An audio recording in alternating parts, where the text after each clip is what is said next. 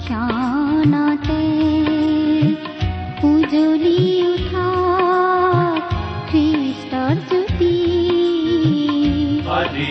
পবিত্ৰ ক্ষণতে উজ্বলি উঠা খ্ৰীষ্টৰ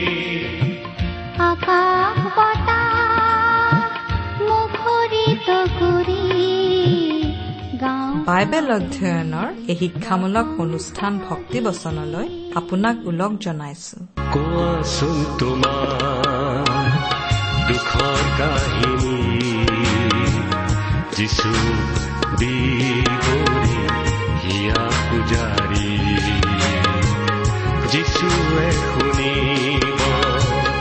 চকুলো মচি দিব নিশ্চয় দিব প্ৰিয় শ্ৰোতা ভক্তিবচন অনুষ্ঠান শুনিবলৈ আপুনি সময়কণ উলিওৱাৰ বাবে বহু ধন্যবাদ। আজিও আমি আপোনালৈ লৈ আহিছো প্ৰভু যীশুৰ বাণী আৰু বাইবেলৰ জীৱনদায়ক কথাৰ শিক্ষামূলক অনুষ্ঠান ভক্তিবচন। আশা কৰোঁ আপুনি এই অনুষ্ঠানৰ যোগেৰে আশীৰ্বাদৰ কথাবোৰ উপভোগ কৰিব পাৰিছে।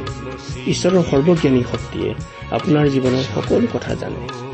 তেওঁৰ আগত আপোনাৰ একো কথা লুকাই নাথাকে। যিবোৰ কথা আপোনাৰ অতি অন্তৰংগ বন্ধুজনেও বুজি নাপায় সেইবোৰ ঈশ্বৰে খুব ভালদৰে বুজে লগতে আপোনাৰ প্ৰতিটো সমস্যাৰ প্ৰকৃত সমাধানো তেওঁ জানে। আচলতে পৃথিৱীৰ একো কথাই তেওঁৰ জ্ঞানৰ বাহিৰত নহয় তেওঁ সকলো জানে। মাথোন তেওঁৰ আগত আপুনি নিজ মুখেৰে স্বীকাৰহে কৰিব লাগে। তেওঁ পূৰ্বৰে পৰাই আপোনাৰ প্ৰতিটো বিষয় জানি আছে। আপুনি তেওঁৰ আগত স্বীকাৰ কৰা মাত্ৰকে তেওঁ আপোনাৰ হৈ কাৰ্য কৰিবলৈ ধৰে। আপুনি বাৰু তেওঁৰ আগত মনৰ সকলো কথা নিজ মুখেৰে স্বীকাৰ কৰিলেনে? তেওঁৰ এই জ্ঞানৰ কথাই আপোনাক নতুন উদ্যম দিয়ক এই আশাৰে আপোনালৈ এয়া আগবঢ়াইছো ভক্তি বচন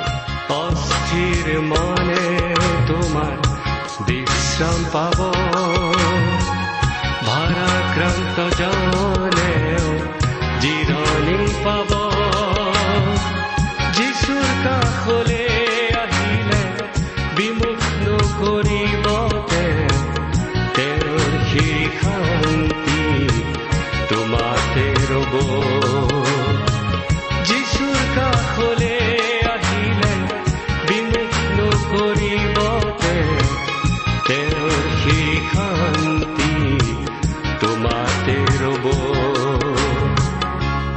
কোৱাচোন তোমাৰ ভুল কাহিনী যিচু বিবৰি হিয়া পূজাৰী যিচুৱে শুনিব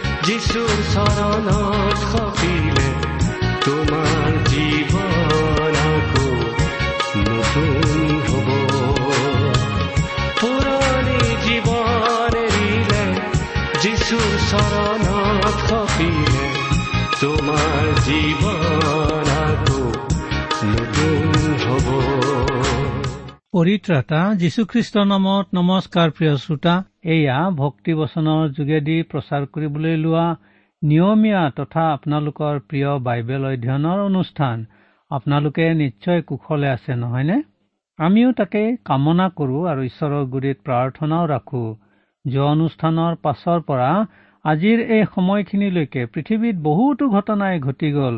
কিমানৰ যে মৃত্যু হ'ল কিমানৰ যে ৰোগ ব্যাধি হ'ল আৰু কিমান যে ঘাট মাওৰা হ'ল এইবোৰ ঈশ্বৰে কৰা পৃথিৱীৰ নিয়ম। ঈশ্বৰে কৈছে সকলো বস্তুৰে পৰিৱৰ্তন হ'ব কিন্তু তেওঁ বা তেওঁৰ বাক্যৰ একো পৰিৱৰ্তন নঘটিব। আহক প্ৰিয় শ্ৰোতা আমি সেই অপৰিৱৰ্তনীয় ঈশ্বৰৰ অপৰিৱৰ্তনীয় বাক্য আলোচনা কৰো হওক। আজিৰ অধ্যয়ন আৰম্ভ কৰাৰ পূৰ্বে আহক আমি ঈশ্বৰক ধন্যবাদ জনাই তেওঁৰ গুৰিত প্ৰাৰ্থনা জনাওঁ। প্ৰাৰ্থনা কৰো আমাৰ সকলোৰে সৃষ্টিকৰ্তা ঈশ্বৰৰ গৌৰৱ আৰু প্ৰশংসা হওক কাৰণ তেওঁই আমাক সৃষ্টি কৰিলে আমাক নিৰাপত্তা দিলে। আজিৰ এই বাইবেল অধ্যয়নৰ সুযোগ আৰু সময়খিনিৰ বাবেও আমি আপোনাৰ নামৰ গৌৰৱ কৰিছো। এতিয়া আমাৰ বিশেষ প্ৰাৰ্থনা প্ৰভু আপুনি আমাৰ সকলো শ্ৰোতামণ্ডলীক আশীৰ্বাদ কৰক। আজিৰ পাঠৰ পৰা যেন আমি প্ৰত্যেকেই আপোনাৰ বিষয়ে অধিক জানিব পাৰো আৰু আপোনাৰ কাষলৈ আমি আহিব পাৰো এনে অনুগ্ৰহ দান কৰক। আপোনাৰ পবিত্ৰ আত্মাৰ উপস্থিতিত আমাক সকলোকে চলাই নিয়ক। এনে প্ৰাৰ্থনা আমাৰ পৰিত্ৰাতা প্ৰভু যীশুখ্ৰীষ্টৰ নামত অৰ্পণ কৰিছো। আমেন। প্ৰিয় শ্ৰোতা আজি আমাৰ অধ্যয়নৰ বিষয় হৈছে কলচীয়া পত্ৰৰ এক অধ্যায়ৰ বিশ পদৰ পৰা তেইছ পদলৈকে। আমাৰ এই পাঠ বুজি পাবলৈ আমি আগৰ পাঠৰ শেষত কৰা আলোচনা চমুকৈ কৈ লৈছো। এক যীশুখ্ৰীষ্টৰ লগত পিতৃ ঈশ্বৰৰ সম্পৰ্ক। আমি দেখা পাওঁ পোন্ধৰ পদত। দুই যীশুখ্ৰীষ্টৰ লগত সৃষ্টিৰ সম্পৰ্ক। আমি দেখিবলৈ পাওঁ ষোল্ল আৰু সোতৰ পদত। তিনি যীশুখ্ৰীষ্টৰ লগত মণ্ডলীৰ সম্পৰ্ক তাকে আমি দেখা পাওঁ ওঠৰ আৰু ঊনৈশ পদত। আৰু চাৰি যীশুখ্ৰীষ্টৰ লগত ক্ৰুচৰ কি সম্পৰ্ক এয়া আমি দেখা পাওঁ বিশ পদত। ইতিমধ্যে আমি ওপৰৰ তিনিটা বিষয়ত বিতং আলোচনা কৰিলো। আজি আমি বহলাই আলোচনা কৰিম যীশুখ্ৰীষ্টৰ লগত ক্ৰুচৰ সম্পৰ্কৰ বিষয়ে। কলচীয়া এক অধ্যায় ঊনৈশ পদৰ পৰা বিশ পদ পঢ়িছো এতিয়া। কিয়নো তেওঁ সকলো সম্পূৰ্ণতা বাস কৰিবলৈ আৰু তেওঁৰ ক্ৰুচৰ তেজৰ দ্বাৰাই শান্তি স্থাপন কৰি পৃথিৱীত থকা হওক বা স্বৰ্গত থকা হওক সকলোকে তেওঁৰ দ্বাৰাইহে তেওঁৰে সৈতে মিলন কৰিবলৈ ঈশ্বৰে ভাল দেখিলে। তেওঁৰ ক্ৰুচৰ তেজৰ দ্বাৰাই শান্তি স্থাপন কৰি অৰ্থাৎ ক্ৰুচত আমাৰ আৰু আপোনালোকৰ পাপৰ বেজ দি ঈশ্বৰ আৰু আমাৰ মাজত শান্তি স্থাপন কৰিলে। আজি আৰু ঈশ্বৰে আমাক নকয় যে হেৰি মোৰ বিৰুদ্ধে যোৱা মানুহ মই তোমাৰ বিপক্ষ কাৰণ তুমি মোক অৱজ্ঞা কৰিছা। তুমি পাপী আৰু মই তোমাক শাস্তি দিম। এনে বুলি তেওঁ আৰু কেতিয়াও আমাক কবলৈ নাই। কিন্তু তাৰ পৰিৱৰ্তে তেওঁ এনেদৰে কয় মই তোমাৰ বাবে ইতিমধ্যে শান্তি স্থাপন কৰিছো আৰু তোমাৰ বাবে শাস্তি মূৰ পাতি লৈছো আৰু তোমাৰ পাপৰ শাস্তি বহন কৰিছো। সেয়ে মই বিচাৰো তুমি ইয়াৰ বিষয়ে অৱগত হৈ মোৰ কাষলৈ আহা। প্ৰিয় শ্ৰোতা যীশুখ্ৰীষ্টৰ যোগেদি ইতিমধ্যে আমাৰ আৰু ঈশ্বৰৰ মাজত শান্তি স্থাপন কৰা হৈছে। আমি মাত্ৰ তাকে বিশ্বাস কৰি ঈশ্বৰৰ ওচৰত আহিলেই হ'ল। এতিয়া ৰুমিয়া পাঁচ অধ্যায়ৰ এক পদত পৌলে তাকেই কৈছে এইকাৰণে আমি বিশ্বাসৰ দ্বাৰাই ধাৰ্মিক বুলি গণিত হোৱাত আমাৰ প্ৰভু যীশুখ্ৰীষ্টৰ দ্বাৰাই ঈশ্বৰে সৈতে আমাৰ শান্তি আছে। খ্ৰীষ্টই ক্ৰুচৰ তেজৰ দ্বাৰাই শান্তি স্থাপন কৰিছে। সেয়ে পৌলে কৈছে পাপৰ ক্ষমা ক্ৰুচৰ তেজতেহে আছে। এতিয়া ঈশ্বৰে আমাক ক্ষমা কৰিব পাৰে কাৰণ আমাৰ পাপৰ শাস্তি ইতিমধ্যে যীশুৱে ক্ৰছত বহন কৰিছে। আমাৰ ঈশ্বৰ এনেকুৱা নহয় যে তেওঁ আমাৰ চাৰিওফালে ঘেৰি চাই আছে আমি কত ভুল কৰো আৰু আমি কত কি বেয়া কৰো। তাৰ পৰিৱৰ্তে ঈশ্বৰে তেওঁৰ বহল বাহু মেলি আমালৈ আহ্বান কৰিছে আহা মোৰ ওচৰলৈ মই তোমাক স্থায়ী শান্তি দিবলৈ ৰৈ আছো। ঈশ্বৰৰ পৰা পাব পৰা শান্তি গ্ৰহণ কৰাটো আমাৰ প্ৰত্যেকৰে ওপৰত নিৰ্ভৰ কৰে। মুক্তি বা পৰিত্ৰাণ ঈশ্বৰৰ পৰা। কিন্তু সেই মুক্তি বা পৰিত্ৰাণ গ্ৰহণ কৰাটো মানুহৰ কৰ্তব্য। সেয়ে ঈশ্বৰে আমাক কৈ আছে মই ইতিমধ্যেই তোমালোকক মিলন কৰালো। তোমালোকে মোৰ লগত মিলিত হবানে? এনে সিদ্ধান্ত আপুনি আমি সকলোৱে ল'ব লাগে। পৌলে তেওঁৰ কৰিন্থিয়াবিলাকলৈ লিখা পত্ৰত বিষয়টো ধুনীয়াকৈ প্ৰকাশ কৰিছে এই বুলি। কিন্তু যি ঈশ্বৰে খ্ৰীষ্টৰ দ্বাৰাই তেওঁৰে সৈতে আমাক মিলন কৰালে আৰু সেই মিলনৰ পৰিচৰ্যা পদ আমাক দিলে সেই ঈশ্বৰৰ পৰা এই সকলো হয়। সেই মিলনৰ কথা এই ঈশ্বৰে খ্ৰীষ্টত থাকি জগতৰ অপৰাধ নিলিখি তেওঁৰে সৈতে তেওঁবিলাকৰ মিলন কৰি আছিল আৰু সেই মিলনৰ কথা আমালৈ গতাই দিলে। দ্বিতীয় কৰিন্থিয় পাঁচ অধ্যায় ওঠৰ পদৰ পৰা বিশ পদ। প্ৰিয় শ্ৰোতা ভালকৈ লক্ষ্য কৰিলে দেখা পাব যে ভালে সংখ্যক মানুহে ঈশ্বৰক জয় কৰিবলৈ বা ঈশ্বৰৰ সান্নিধ্য পাবলৈ বহুতো কৰ্ম কৌশল কৰে। কিন্তু আপুনি জানেনে আমাৰ ঈশ্বৰেই আগতেই আপোনাক জয় কৰাৰ ব্যৱস্থা কৰি থৈছে। আপুনি তেওঁক জয় কৰিবলৈ মাত্ৰ তেওঁৰ সেই বিশ্বাসত সন্মতি দিলেই হ'ল। সকলোকে মিলন কৰালে। ইয়াৰে কিছুমানে আকৌ কব খোজে যে সকলোৱে পৰিত্ৰাণ পাব। সকলোকে মিলন কৰালে ইয়াৰ আমি ইয়াকে বুজো যে যিবিলাকে মাত্ৰ ঈশ্বৰৰ লগত মিলিত হবলৈ আগবাঢ়ি আহিছে আৰু যিবিলাকক ঈশ্বৰে ইতিমধ্যে নিৰ্বাচন কৰিছে ফিলিপিয়াত পৌলে বৰ্ণনা কৰা এই বিষয়টো আৰু পৰিষ্কাৰকৈ আমি বুজিব পাৰো। আৰু তাত কোৱা হৈছে এনে কি মোৰ প্ৰভু যীশুখ্ৰীষ্টৰ জ্ঞানৰ উত্তমতাৰ কাৰণে মই সকলোকে হানি যেনহে মানিছো সকলোকে এই শব্দটোৰে পৌলে সকলোৱে পৰিত্ৰাণ পাব বুলি কোৱা নাই বৰং যিবিলাকে পৰিত্ৰাণ নাপায় তেওঁবিলাকৰ কাৰণে নিজকে হানি যেন উপলব্ধি কৰিছে পৌলৰ জ্ঞানৰ ভাণ্ডাৰক তুচ্ছ জ্ঞান কৰিছে। পৌলৰ নথকা বস্তু একোৱেই হেৰুওৱা নাই কিন্তু যি আছিল সকলোকে মূল্যহীন বুলি তেওঁ ভাবিছে। পৃথিৱীত থকা হওক বা স্বৰ্গত থকা হওক ইয়াত ভালকৈ লক্ষ্য কৰিলে দেখা পাওঁ যে পৌলে কৈছে যিমানবোৰ বিষয় পৃথিৱী বা স্বৰ্গৰ মাজত আছে কিন্তু পৃথিৱীৰ তলত থকা বস্তুৰ কথা কোৱা নাই। ইফিচিয়াৰ এক অধ্যায় বাইশ পদত কৈছে আৰু সকলোকে তেওঁৰ চৰণৰ তলত বশীভূত কৰিলে আৰু তেওঁকেই সকলোৰে মূৰ কৰি মণ্ডলীক দান কৰিলে। সকলোকে তেওঁৰ চৰণৰ তলত বশীভূত কৰিলে মানে ইয়াৰ অৰ্থ প্ৰত্যেকেই জনা উচিত। ফিলিপিয়াত পৌলে তাৰ অৰ্থটো এইদৰে কৈছে এই হেতুকে স্বৰ্গত পৃথিৱীত আৰু পৃথিৱীৰ তলত নিবাস কৰা সকলোৱে যেন যীশুৰ নামত আঁঠু লয় আৰু যীশুখ্ৰীষ্ট যে প্ৰভু ইয়াক যেন পিতৃ ঈশ্বৰৰ গৌৰৱৰ অৰ্থে সকলো জীৱাই স্বীকাৰ কৰে। এই কাৰণে ঈশ্বৰে তেওঁক অতি ওখ পদ দিলে। ফিলিপিয়া দুই অধ্যায় ন আৰু দহ পদ। ইয়াত লক্ষ্য কৰিলে দেখা পাওঁ যে সকলোৱে বা সকলো বস্তুৱে প্ৰভু যীশুক প্ৰভু বুলি স্বীকাৰ কৰিব। হলেও প্ৰত্যেকেই ঈশ্বৰে সৈতে মিলিত হব বুলি পৌলে কোৱা নাই। প্ৰিয় শ্ৰোতা এইটো নাভাবিব যে আপুনি ধুনীয়া চেহেৰা স্বাস্থ্যৰ অধিকাৰী হোৱা কাৰণে ঈশ্বৰৰ লগত মিলন হব বুলি স্বৰ্গ আৰু পৃথিৱীৰ বিশেষ বাছি লোৱা সকলকহে ঈশ্বৰে সৈতে মিলিত হব। কিন্তু পৃথিৱীৰ তলৰ বস্তুবোৰেও ঈশ্বৰৰ ওচৰত মূৰ দোৱাবগৈ। আমি চিন্তা কৰিব লাগে যে এই পৃথিৱীতে ঈশ্বৰৰ লগত মিলিত হোৱাৰ উপযুক্ত ঠাই আৰু উপযুক্ত সময় সেয়ে এতিয়াই আমি তেওঁক গ্ৰহণ কৰিব লাগে। স্বৰ্গৰ সকলো বস্তু মানে আমি এনেদৰে বুজিব পাৰো অকল আমি স্বৰ্গৰ বাবে প্ৰস্তুত হ'ম এনে নহয় কিন্তু স্বৰ্গীয় আমাক গ্ৰহণ কৰিবলৈ প্ৰস্তুত হ'ব লাগিব। জোহন চৈধ্য দুই পদত প্ৰভু যীশুৱে কৈছে মই তোমালোকৰ কাৰণে ঠাই যুগুত কৰিবলৈ যাওঁ। যীশুখ্ৰীষ্টই হ'ল ঈশ্বৰৰ অৱতাৰী পুৰুষ। তেওঁৰ তেজৰ যোগেদি আমাক ঈশ্বৰে সৈতে মিলন কৰায়। যীশুৰ তেজেই আনকি আমাক সকলো কলুষিতাৰ পৰা মুক্ত বা পৰিষ্কাৰ কৰে। কলচীয়া দুই অধ্যায় একৈশ পদ এতিয়া। আৰু পূৰ্বে ঈশ্বৰৰ অসম্পৰ্কীয় লোক হৈ দুষ্কৰ্মত থাকি মনেৰে শত্ৰু হোৱা যি তোমালোক ইয়াত কেনে সুন্দৰ সহানুভূতিৰ কথা ঈশ্বৰে আমাক কৈছে। আমি প্ৰস্তুত হবলৈ বা যুগুত হোৱাৰ পূৰ্বেই আমি গীৰ্জাত যোৱাৰ আগতেই বা দেওবৰীয়া পোছাক পিন্ধাৰ পূৰ্বেই ঈশ্বৰে আমাৰ সৈতে তেওঁৰ মিলিত হোৱাৰ ব্যৱস্থা কৰিলে। আন কথাত আমি আমাৰ চিন্তা আৰু কাৰ্যত যেতিয়া ঈশ্বৰৰ বিৰুদ্ধে আছিলো তেতিয়াই ঈশ্বৰে আমাক তেওঁৰে সৈতে মিলিত কৰিবৰ কাৰবাৰ আৰম্ভণ কৰিলে।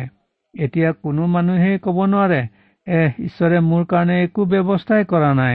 তেওঁৰে সৈতে মিলন হবলৈ সেয়ে মই এতিয়া ধ্বংসপ্ৰাপ্ত হৈছো। এনেদৰে কোনো মানুহে দুখ কৰিব নোৱাৰে কাৰণ ঈশ্বৰে সকলোৰে বাবে তেওঁৰ পৰিকল্পনাৰ ব্যৱস্থা কৰি থৈছে। মানুহবিলাক ধ্বংস হৈছে নিজৰ দুখতহে কাৰণ ঈশ্বৰৰ পৰিকল্পনাত মানুহে সহযোগ কৰা নাই। তাৰ পৰিৱৰ্তে এতিয়াও মানুহে ঈশ্বৰৰ বিৰোধিতাহে কৰি আছে। পূৰ্বে ঈশ্বৰৰ অসম্পৰ্কীয় লোক হৈ দুষ্কৰ্মত থাকি মনেৰে শত্ৰু হোৱা মানে এই কথাষাৰে আমাক মনত পেলাই যে আমি মনত আৰু চিন্তাত ঈশ্বৰৰ বিৰোধিতা কৰাৰ প্ৰৱণতা আছে। আমাৰ বহুতেই বিশ্বাস কৰো যে মানুহ ধ্বংসপ্ৰাপ্ত হোৱাৰ মূলতে আছে তেওঁলোকৰ ডাঙৰ পাপ। কিন্তু প্ৰকৃততে কবলৈ গ'লে মানুহৰ চিন্তা শক্তিৰেই ঈশ্বৰৰ বিৰোধিতা কৰা হয়। আজিকালি আমাৰ চাৰিওফালে ডাঙৰ ডাঙৰ পণ্ডিতৰ উপস্থিতি আছে। তেওঁবিলাকে মনৰ চিন্তাৰে ঈশ্বৰৰ বিৰোধিতা কৰে ফলত মানুহৰ মাজত এটা উমৈহতীয়া অশান্তিয়ে বিৰাজ কৰিছে। ওপৰে ওপৰে তেওঁলোকে ঈশ্বৰক বিশ্বাস কৰা যেন দেখুৱাই কিন্তু ভিতৰত কিবা এটা শূন্যতাই তেওঁলোকৰ বিৰাজ কৰে। এয়েই তেওঁলোকৰ অশান্তিৰ কাৰণ। আৰু ইয়াৰ বাবে তেওঁলোকে নিজেই দায়ী। এনেদৰে মনেৰে ঈশ্বৰৰ বিৰোধিতা কৰাসকলৰ অশান্তি বেছি। আমি আগতেই কৈ আহিছো যে ঈশ্বৰে সৈতে মিলিত হবলৈ আগ্ৰহ থাকিব লাগে কাৰণ সেই সকলো কাম প্ৰভুৱে ইতিমধ্যে কৰিছে। এতিয়া বাইশ পদ। তোমালোককো পবিত্ৰ নিষ্কলংক আৰু নিৰ্দোষী কৰি তেওঁৰ সাক্ষাতে উপস্থিত কৰিবলৈ খ্ৰীষ্টৰ মাংসময় শৰীৰত মৃত্যুৰ দ্বাৰাই এতিয়া মিলন কৰিলে। খ্ৰীষ্টৰ পাপময় শৰীৰত ইয়াৰে আমি বুজিব পাওঁ যে যীশুখ্ৰীষ্টই আমাৰ বাবে শাৰীৰিক শাস্তি ভোগ কৰিছিল। পৌলৰ সময়ত যেনেকুৱা এটা দল আছিল যিবিলাকে খ্ৰীষ্টৰ শাৰীৰিক শাস্তি ভোগ কৰাটো বিশ্বাস নকৰিছিল পবিত্ৰ নিষ্কলংক আৰু নিৰ্দোষী কৰি তেওঁৰ সাক্ষাতে উপস্থিত কৰিবলৈ মানে নিষ্কলংক শব্দৰ অৰ্থ একো খুট নথকাক বুজায়। পুৰমি নিয়মত ঈশ্বৰৰ ওচৰত উৎসৰ্গ কৰা জন্তুৰ এনে এটা চৰ্ত আছিল জীৱটো নিষ্কলংক হ'ব লাগিছিল। মই বা আপুনি ঈশ্বৰৰ ওচৰত উৎসৰ্গিত হবৰ জোখাৰে সম্পূৰ্ণ পবিত্ৰ আৰু নিষ্কলংক নহয়। ঈশ্বৰেও আমাৰ দৰে খুট থকা জীৱক গ্ৰহণ কৰিব নোৱাৰে। এইকাৰণেই আমি কওঁ আমাৰ কোনো কাৰ্যৰ যোগেদি ঈশ্বৰৰ পৰা পৰিত্ৰাণ পাব নোৱাৰো। আমি ইচ্ছা কৰিলেও আমাৰ ইচ্ছাৰে ঈশ্বৰৰ দৃষ্টিত পবিত্ৰ হ'ব নোৱাৰো। কিন্তু ঈশ্বৰে আমাক পবিত্ৰ কৰিব পাৰে।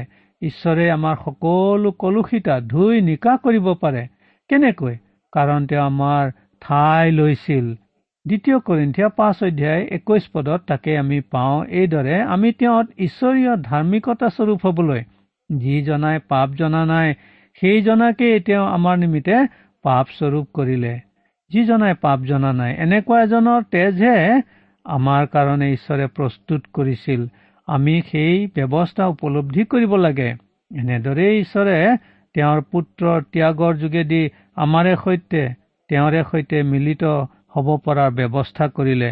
বহুতো ব্যৱস্থা চাৰিওফালে থকা দেখা যায় য'ত মানুহে নিজ প্ৰচেষ্টাৰে ঈশ্বৰৰ সৈতে মিলিত হবলৈ চেষ্টা কৰে। ই এটা অসম্ভৱ কাৰ্য কাৰণ মানুহৰ দ্বাৰাই ইয়াক কৰিব নোৱাৰি। কিন্তু খ্ৰীষ্টীয় বিশ্বাসত এই অসম্ভৱ কাৰ্যক ঈশ্বৰে সম্ভৱ কৰিছে।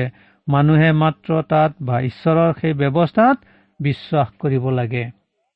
কলচীয়া এক অধ্যায়তে তেইছ পদটো সেয়ে হলেও আকাশমণ্ডলৰ তলত থকা গোটেই সৃষ্টিৰ আগত প্ৰচাৰিত হোৱা যি শুভবাৰ্তা তোমালোকে শুনিলা আৰু মই পৌলে যিহক পৰিচাৰক হিচাপে প্ৰচাৰ কৰিছো সেই শুভবাৰ্তাৰ পৰা উৎপন্ন হোৱা আশাৰ পৰা লৰোৱা নহৈ বিশ্বাসতে মূল ধৰি থিৰ হৈ থাকিলেহে তোমালোকক সেইদৰে উপস্থিত কৰিব।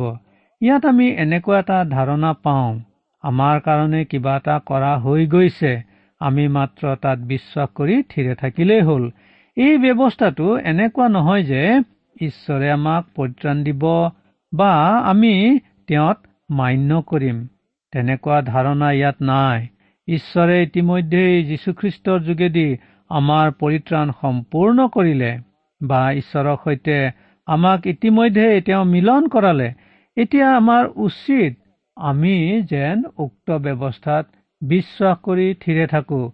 মই পৌলে যিহৰ পৰিচাৰক হলো বুলি কৈ তেওঁ ইয়াত এনেকুৱা এটা ধাৰণা দিছে পৌলে হয়তো আগতে আন ভাল এটা কাৰ্যত আছিল কিন্তু এতিয়া খ্ৰীষ্টক গ্ৰহণ কৰি তাতকৈ কম গুৰুত্বৰ পদ্ধতি এটা গ্ৰহণ কৰিছে।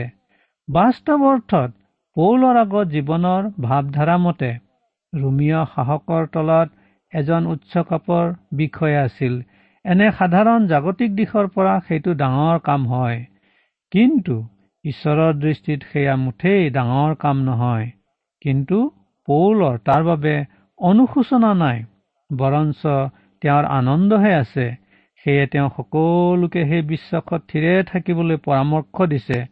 তেওঁ এনেদৰে আমাক বুজাব খুজিছে যে পৌলে পৰিচাৰকৰ জীৱনত পোৱা মান মৰ্যাদা বা সুনামৰ অন্ত নাই। আনহাতে ই হ'ল ঈশ্বৰৰ পৰা পোৱা আশীৰ্বাদ। সেয়ে তেওঁ ঈশ্বৰক ধন্যবাদ দিব পাৰিছে। মই প্ৰত্যেক দিন ঈশ্বৰক ধন্যবাদ দিওঁ। তেওঁৰ শুভবাৰ্তা প্ৰচাৰ কৰাৰ সুযোগ দিয়াৰ কাৰণে। কাৰণ এই পৃথিৱীত ইয়াতকৈ ডাঙৰ সন্মান আন একো নাই। এয়া সাধু পৌলৰ অভিজ্ঞতা। প্ৰিয় শ্ৰোতা আপুনিও এবাৰ এনে উপলব্ধি কৰিবনে? আপুনিও এবাৰ কবনে খ্ৰীষ্টৰ পৰিচাৰিকা হ'ব পৰাত বা মই খ্ৰীষ্টৰ পৰিচাৰক হ'ব পৰাত বৰ গৌৰৱ অনুভৱ কৰিছো। হয় প্ৰিয় শ্ৰোতা আমি হয়তো পৌলৰ দৰে বিদ্যাত পাৰ্গত হ'ব নোৱাৰো। আৰু সেইটো সম্ভৱো বহুতৰ ক্ষেত্ৰত নহয়। কিন্তু খ্ৰীষ্টক গ্ৰহণ কৰাত আমাৰ অভিজ্ঞতা সকলোৰে একে ধৰণৰ হোৱা উচিত আৰু একে ধৰণৰ হয়ো। আজিৰ পাঠ আজিলৈ ইমানতে সমাপ্ত কৰিবলৈ খুজিছো যদিও আমাৰ কাৰণে আৰু কিছুমান কথা লাগতিয়াল কথাই আমি ইয়াত পাওঁ সেইবিলাক আমি সোঁৱৰাই দিবলৈ ইচ্ছা কৰিছো। আমালৈ চিঠি লিখিবলৈ নাপাহৰিব। আপোনালোকৰ উৎসাহ উদ্দীপনা দিহা পৰামৰ্শ সদায় আমাৰ কাম্য। আপোনালোকক এই কথা সোঁৱৰাই দিছো যে প্ৰভু যীশু খ্ৰীষ্টৰ যি ব্যক্তিত্ব সেই ব্যক্তিত্বৰ কথা আপোনালোকে যেন মনত ৰাখে তেওঁ সৃষ্ট প্ৰাণী নহয় তেওঁক কোনেও সৃষ্টি কৰা নাই তেওঁৰ কোনো আৰম্ভণি নাই তেওঁ আদিৰে পৰা আছিল আৰু যেতিয়া আদিৰে পুৰে বুলি কোৱা হৈছে তাৰমানে তাৰ কোনো আদি নাছিল। আৰু সেই জনা প্ৰভু যীশুখ্ৰীষ্টই আজি সকলো মানৱ জাতিৰ পৰিত্ৰাতা কাৰণ পৰিত্ৰাতা হবলৈ অৰ্থাৎ পৰিত্ৰাণ দিবলৈ তেওঁ যি উচিত মূল্য সেই মূল্য কালবাৰীৰ গলগথাৰ স্থানত ক্ৰছৰ ওপৰত তেওঁ আপোনাৰ আৰু মোৰ হৈ বৰণ কৰিছে। আৰু সেই বিষয়ে আমি অধিককৈ অধ্যয়ন কৰিব পাৰিম। কিন্তু আপুনি সদায় মনত ৰাখিব যে অধিক জানিলে যথেষ্ট নহয়। কিন্তু তেওঁক আমি জানি তেওঁ যে আমাৰ প্ৰভু তেওঁ যে আমাৰ পৰিত্ৰাতা তেওঁ যে আমাক অনন্ত জীৱন দান কৰোতা প্ৰভু তাকে আমি বিশ্বাস কৰি তেওঁত শৰণাগত হ'ব লাগে আৰু তেওঁৰ সেই অমূল্য পৰিত্ৰাণ আমি গ্ৰহণ কৰিব পাৰিব লাগে। আৰু তাকে যদি আমি কৰো তেতিয়া আমি তেওঁৰ পৰিত্ৰাণ গ্ৰহণ কৰোতা লোক হৈ আমি তেওঁৰ স্বৰ্গীয় পৰিয়ালত প্ৰৱেশ কৰিব পাৰো আৰু স্বৰ্গীয় পৰিয়ালত প্ৰৱেশ কৰাৰ পাছতেই আমি তেওঁৰ সন্তান পৰিগণিত হওঁ আৰু তেওঁৰ সন্তান হোৱাৰ পিছতেই তেওঁ আমাৰ পিতৃশ্বৰ হয় আৰু এই জগতত বাস কৰোতে আমি যিমান দিন খ্ৰীষ্টীয় জীৱন যাপন কৰো সিমান দিন তেওঁ আমাৰ নিয়ন্ত্ৰণকাৰী হয় তেওঁ আমাৰ চলাওতা হয় তেওঁ আমাৰ প্ৰভু হয় আৰু তেওঁ আমাৰ পৰামৰ্শদাতা হয়। দুখত আৰু সুখত সকলো সময়তে তেওঁ আমাৰ পৰিত্ৰাতা আৰু তেওঁ আমাৰ চলাওতা। প্ৰিয় শ্ৰোতা সামৰণি কৰাৰ আগতেই আমি পুনৰ আমাৰ আজিৰ বিষয়টোৰ আগতে যিখিনি লাগতিয়াল কথা আমি কৈছিলো সেইখিনি আপোনাক পুনৰ সোঁৱৰাই দিবলৈ ইচ্ছা কৰিছো কাৰণ এইখিনি বিষয় বৰ লাগতিয়াল আৰু বৰ প্ৰয়োজনীয় বিষয়। আজি আমাৰ অধ্যয়নৰ যিটো বিষয় আছিল কলচীয়া এক অধ্যায়ৰ বিশ পদৰ পৰা তেইছ পদলৈ। আমাৰ এই পাঠ বুজি পোৱাৰ আগতে আমি কৈছিলো যে চমুকৈ আলোচনা কৰি এই কথাটো আমি জনা উচিত। এক নম্বৰত যীশুখ্ৰীষ্টৰ লগত পিতৃ ঈশ্বৰৰ যিটো সম্পৰ্ক আমি সেই সম্পৰ্কে দেখা পালো পোন্ধৰ পদত। আৰু যীশুখ্ৰীষ্টৰ সৈতে দ্বিতীয়তে সৃষ্টিৰ যি সম্পৰ্ক সেই বিষয়েও আমি আলোচনা কৰিলো আৰু সেইখিনি আমি পাওঁ ষোল্ল আৰু সোতৰ পদত। যীশুখ্ৰীষ্টৰ লগত মণ্ডলীৰ সম্পৰ্কৰ বিষয়েও আমি দেখিবলৈ পালো ওঠৰ পদৰ পৰা ঊনৈশ পদত। আৰু চতুৰ্থতে আমি পালো যীশুখ্ৰীষ্টৰ লগত ক্ৰছৰ যি সম্পৰ্ক সেই বিষয়ে আৰু সেইখিনি আমি পালো বিশ পদত। ইতিমধ্যেই আমি এই তিনিটা অৰ্থাৎ চাৰিটা বিতং বিষয় আলোচনা কৰিলো। আজি আমি বহলাই আলোচনা কৰিম যীশুখ্ৰীষ্টৰ লগত থকা ক্ৰুচৰ সম্পৰ্কৰ বিষয়ে কলচীয়া এক অধ্যায় ঊনৈশ বিশ পদ সেইকাৰণে পঢ়ি দিছো। কিয়নো তেওঁৰ সকলো সম্পূৰ্ণতা বাস কৰিবলৈ আৰু তেওঁৰ ক্ৰুচৰ তেজৰ দ্বাৰাই শান্তি স্থাপন কৰি পৃথিৱীত থকা হওক বা স্বৰ্গত থকা হওক সকলোকে তেওঁৰ দ্বাৰাইহে তেওঁৰে সৈতে মিলন কৰিবলৈ ঈশ্বৰে ভাল দেখিলে। অৰ্থাৎ আমি মানুহবিলাক ঈশ্বৰে সৈতে মিলন হোৱাৰ কথা ইয়াত পাওঁ। আৰু সেয়া বৰ দৰকাৰী কথা। আজি জগতৰ মানুহৰ যি কামটো হ'ব লাগে সেয়া হৈছে ঈশ্বৰে সৈতে মিলন হোৱা। অৰ্থাৎ মানুহ ঈশ্বৰৰ পৰা পৃথক হৈ গৈছে। আৰু সেই পৃথক হৈ যোৱা মানুহক ঈশ্বৰে প্ৰেম কৰাৰ বাবেই তেওঁৰ পুত্ৰ আমাৰ পৰিত্ৰতা প্ৰভু যীশুখ্ৰীষ্টক এই জগতলৈ পঠাই দিছে যেন আমি তেওঁৰে সৈতে মিলন হ'ব পাৰো। কিন্তু সেই মিলন হ'ব পৰাৰ যি মূল্য সেই মূল্য তেওঁ নিজ প্ৰাণদানে কালবাৰী ক্ৰছত সেই মূল্য বহন কৰিছে আৰু তাতেই আমাৰ শান্তি স্থাপন হৈছে। আৰু শান্তি স্থাপন হোৱাৰ পিছতেই আমাৰ ঈশ্বৰে সৈতে মিলন হৈছে। এই মিলন কাৰ্যৰ বাবেই তেওঁ এই জগতলৈ আহিলে। সেইকাৰণে সেই মিলনকাৰী প্ৰভু যীশুক আমি যেন কেতিয়াও নাপাহৰো। তেওঁক যেন আমি আমাৰ জীৱনৰ প্ৰভু আমাৰ জীৱনৰ পৰিত্ৰাতা কৰো। এই অনুৰোধ এই পৰামৰ্শ আপোনালোকক সকলোকে আমি বাইবেলৰ আধাৰত দিছো। ঈশ্বৰে আপোনাক আশীৰ্বাদ কৰক। ধন্যবাদ। ইমান পৰে আপুনি ঈশ্বৰৰ বাক্যৰ পৰা শিক্ষা শুনিলে। এই বিষয়ে আপোনাৰ মতামত জানিবলৈ পালে আমি নথৈ আনন্দিত হ'ম। আমি প্ৰস্তুত কৰা বাইবেল অধ্যয়নৰ চিডিসমূহ পাব বিচাৰিলে আৰু অনুষ্ঠানত প্ৰচাৰ কৰা কোনো কথা বুজিব লগা থাকিলেও আমালৈ লিখক। আমাৰ যোগাযোগৰ ঠিকনা ভক্তিবচন ট্ৰান্সৱৰ্ল্ড ৰেডিঅ' ইণ্ডিয়া ডাক বাকচ নম্বৰ সাত শূন্য গুৱাহাটী সাত আঠ এক শূন্য শূন্য এক। ঠিকনাটো আকৌ এবাৰ কৈছো ভক্তিবচন ট্ৰান্সৱৰ্ল্ড ৰেডিঅ' ইণ্ডিয়া ডাক বাকচ নম্বৰ সাত শূন্য গুৱাহাটী সাত আঠ এক শূন্য শূন্য এক। আমাৰ ইমেইল এড্ৰেছটো হৈছে Assamese T TV at the rate radio' eight eight two dot com. আমাৰ website W W W dot T W R dot in. আপুনি টেলিফোনৰ মাধ্যমেৰেও আমাক যোগাযোগ কৰিব পাৰে। আমাৰ টেলিফোন নম্বৰটো হৈছে nine eight five four zero' four zero' eight eight nine. Phone নম্বৰটো আকৌ এবাৰ কৈছো ন আঠ পাঁচ চাৰি শূন্য চাৰি শূন্য আঠ আঠ ন। আপুনি এই ভক্তিবচন অনুষ্ঠানটি আমাৰ website W W W dot radio' eight eight two dot কমতো শুনিব পাৰিব। আজিৰ অনুষ্ঠানটি ইমানতেই সামৰিছো। ঈশ্বৰৰ শান্তি আৰু অনুগ্ৰহ আপোনাৰ লগত থাকক। ধন্যবাদ। মাটিৰ দেহা মাটিত